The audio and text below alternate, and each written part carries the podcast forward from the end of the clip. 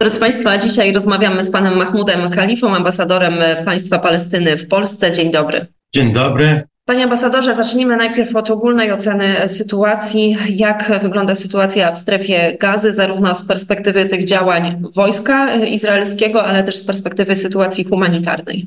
Dzień dobry jeszcze raz. I w ogóle co się dzieje w strefie gazy cały czas, to, to można opisywać w,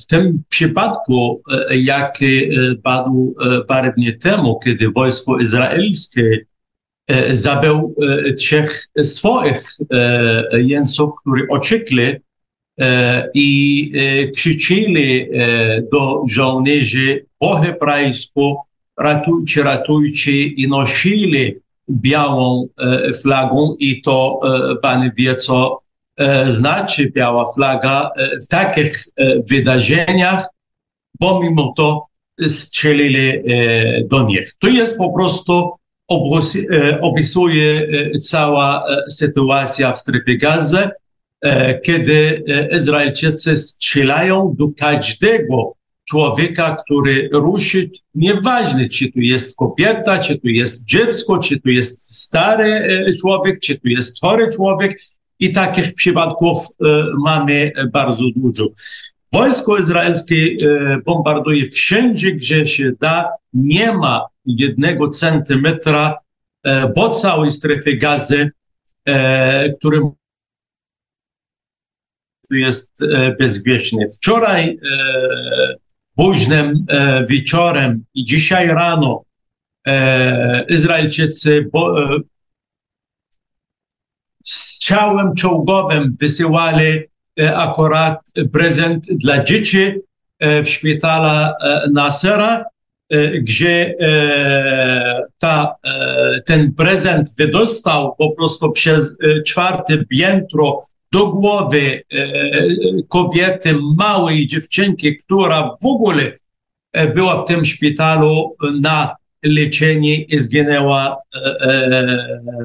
natychmiast. A dzisiaj nad ranem tu samo bombardowali i wysyłali swoich prezentów do e, szpitala e, e, Ashifa. Więc to nie ma żadnego miejsca bezpiecznego. Izraelczycy strzelają do szpitali, strzelają do szkoły, gdzie ludzie po prostu tam uważali, że to jest bardzo dobre miejsce do schronienia. Ja mogę pani powiedzieć tylko taka mała liczba, gdzie do wczorajszego dnia 278 szkół w strefie gazy zostały bombardowane i 65 szkół należących do ONZ, do, czyli do ONRWA. Więc to Izraelczycy po prostu chcą zostawić strefę gazy jako miejsca niemożliwe do normalnego życia. Pojawiły się też informacje o tym, że Izraelczycy zaatakowali kościół katolicki na terenie strefy gazy. O, o, o, o tym to już e, mowa e, inna po prostu. E, wojsko, który po prostu strzelał do rannych w szpitalu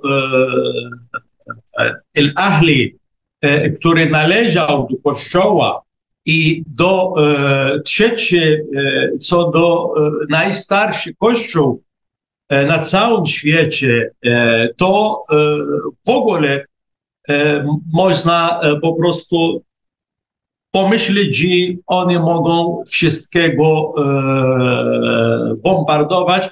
Tak jak pani redaktor wspomniała, że dwa dni temu w ogóle snajper, to, to nie było bombardowanie, ale snajper stanął naprzeciwko domu, klasztoru, szkoły, żłobek i kościół łaciński w strefie gazy. I to jest, mogę pani powiedzieć, że to jest prawie jedyny, który został w tej chwili i zaczął strzelać do każdego, co rusza pomyśleniu tego kompleksu i zginęło dwie, dwie dziewczynki, matka i córka. Panie ambasadorze, mówimy o bardzo trudnej, ekstremalnie trudnej sytuacji humanitarnej. Mówimy o atakach na infrastrukturę cywilną. Mm, pytanie, czy jest jeszcze jakakolwiek szansa, na przykład chociaż na takie tymczasowe zawieszenie broni, z jakim mieliśmy do czynienia jakiś czas temu? Tym cały czas e, mówimy o tym, cały czas e, wysyłamy listów do ONZ, do, do różnych krajów, między innymi e, Polska też e, e, miał spotkanie w Ministerstwie Spraw Zagranicznych i poprosiłem o oddział polski e, w tym. E, są różne wizyty w naszym regionie, e, między innymi e, ważne e, osobistości z administracji amerykańskiej. Cały czas mówimy o e, konieczność zawieszenia broni, żeby ludzie przynajmniej mogli e, znaleźć coś, co jest im potrzebne. A ja, ja tutaj mówię o wody, ja mówię tutaj o e, jedzenie, ja mówię tutaj o najważniejsze sprawy, które każdy człowiek potrzebuje w takim e, przypadku. E, niestety e, dwa głosy cały czas e, są głosem, który jakby nie widzi, jakby nie słyszy, jakby mówi bardzo dużo. I ja tutaj mam na myśli Stany Zjednoczone i Izrael, który po prostu niestety cały czas e, robią swoje, ale e, zatykają swoje uszy i oczy i e, niestety do dnia dzisiejszego e, nic nie słyszymy. Ale wiem, że e, sytuacja wewnętrzna e, w Izraelu po e, mordowaniu e, tych trzech e, izraelskich jeńców to jest bardzo e, ostra i wiem, że e, jego korzyść, żeby zachował e, głowę, Benjamin Netanyahu będzie biegał o e, zawieszenie broń e, w najbliższych dniach. O zawieszenie broni, no właśnie, skoro wspominamy o Benjaminie Netanyahu, jakie są cele strategiczne, jakie Izrael zakłada na strefę gazy? No bo już widzimy, że te, te, te działanie odwetowe to chyba nie jest, e, nie tylko o to chodzi. Mamy kompletne wyniszcz- wyniszczenie infrastruktury e, i po prostu miejsca do życia dla Palestyny. Jakby Pan określił e, te cele? No i wspomniał Pan tutaj ewentualnie o, o rozwiązaniu jakimś dyplomatycznym, tak? Czyli że, Benjamin, że te naciski wewnętrzne będą tak silne, że Izrael po prostu będzie musiał pójść na, na jakiegoś rodzaju e, ugodę czy układ. Wie pani, ja tutaj cały czas mówię o rozwiązaniu politycznym, dyplomatycznym, bo przez e, tych e, ataków e, na strefę gazy czy na zachodnim brzegu, e, w Żeninie, w Nablusie, e, w Tulkarm, e, wczoraj w Hebronie e, i e, w Topasie, e, to, to po prostu nic się nie da po prostu e, siedzenie na wieści e, i tylko. I e, myślę, że e, w korzyść całego regionu i e, w korzyść też Stanów Zjednoczonych, właśnie aby doprowadzić do e, rozwiązania, całkowitego rozwiązania tego całego konfliktu, ponieważ w tej chwili, co widać, scenariusze tak jak parę razy tu już mówiłem, są otwarte i, i, to, i tutaj w żadnym wy- wypadku nie można mówić ani, e, że e, Izrael wygra tej, tej wojny, ani e, Palestyńczycy wygrają tej, tej, tej wojny, ponieważ tutaj, tak jak powiedziałem parę razy też, to nie jest wojna, to jest po prostu okupacja i to jest e, cały czas bombardowanie cywilów, ożywanie różnych e, rakiet, różnych e, po prostu bomb e, w strefie gazy, między innymi białego fos- fosforu, a e, i, i dlatego tutaj mowa o e, prawie już e, 20 tysięcy e, e, ofiar wśród cywilów, e, 70% e, procent, e, to, to e, stanowi to e, kobiet i, i dzieci. Dlatego tutaj mówimy, że naprawdę najwyższy czas, żeby ONZ, żeby Narodów Zjednoczonych i Rada Bezpieczeństwa działały. To fakt, że są wyjazdy różnych ministrów spraw zagranicznych w regionie, fakt, że odbywa ten komitet arabsko-muzułmański, ministerialny komitet arabsko-muzułmański w różnych krajach, między innymi też w Stanach Zjednoczonych odbył różne rozmowy na temat zakończenia tej wojny, zakończenie tego konfliktu, bo to jest najwyższy czas i ja myślę 75 lat okupacji to wystarczający czas, żeby zacząć myśleć o działaniu. Panie ambasadorze, jeszcze na koniec, to już ostatnie pytanie. Gdzieś e, oczywiście sytuacja, skrajnie trudna sytuacja w strefie gazy przyćmiewa to, co dzieje się na zachodnim brzegu, e, a, a przecież tam także dochodzi do no, łamania, łamania e, praw e, Palestyńczyków, którzy mieszkają. Jak, jak wygląda sytuacja na zachodnim brzegu?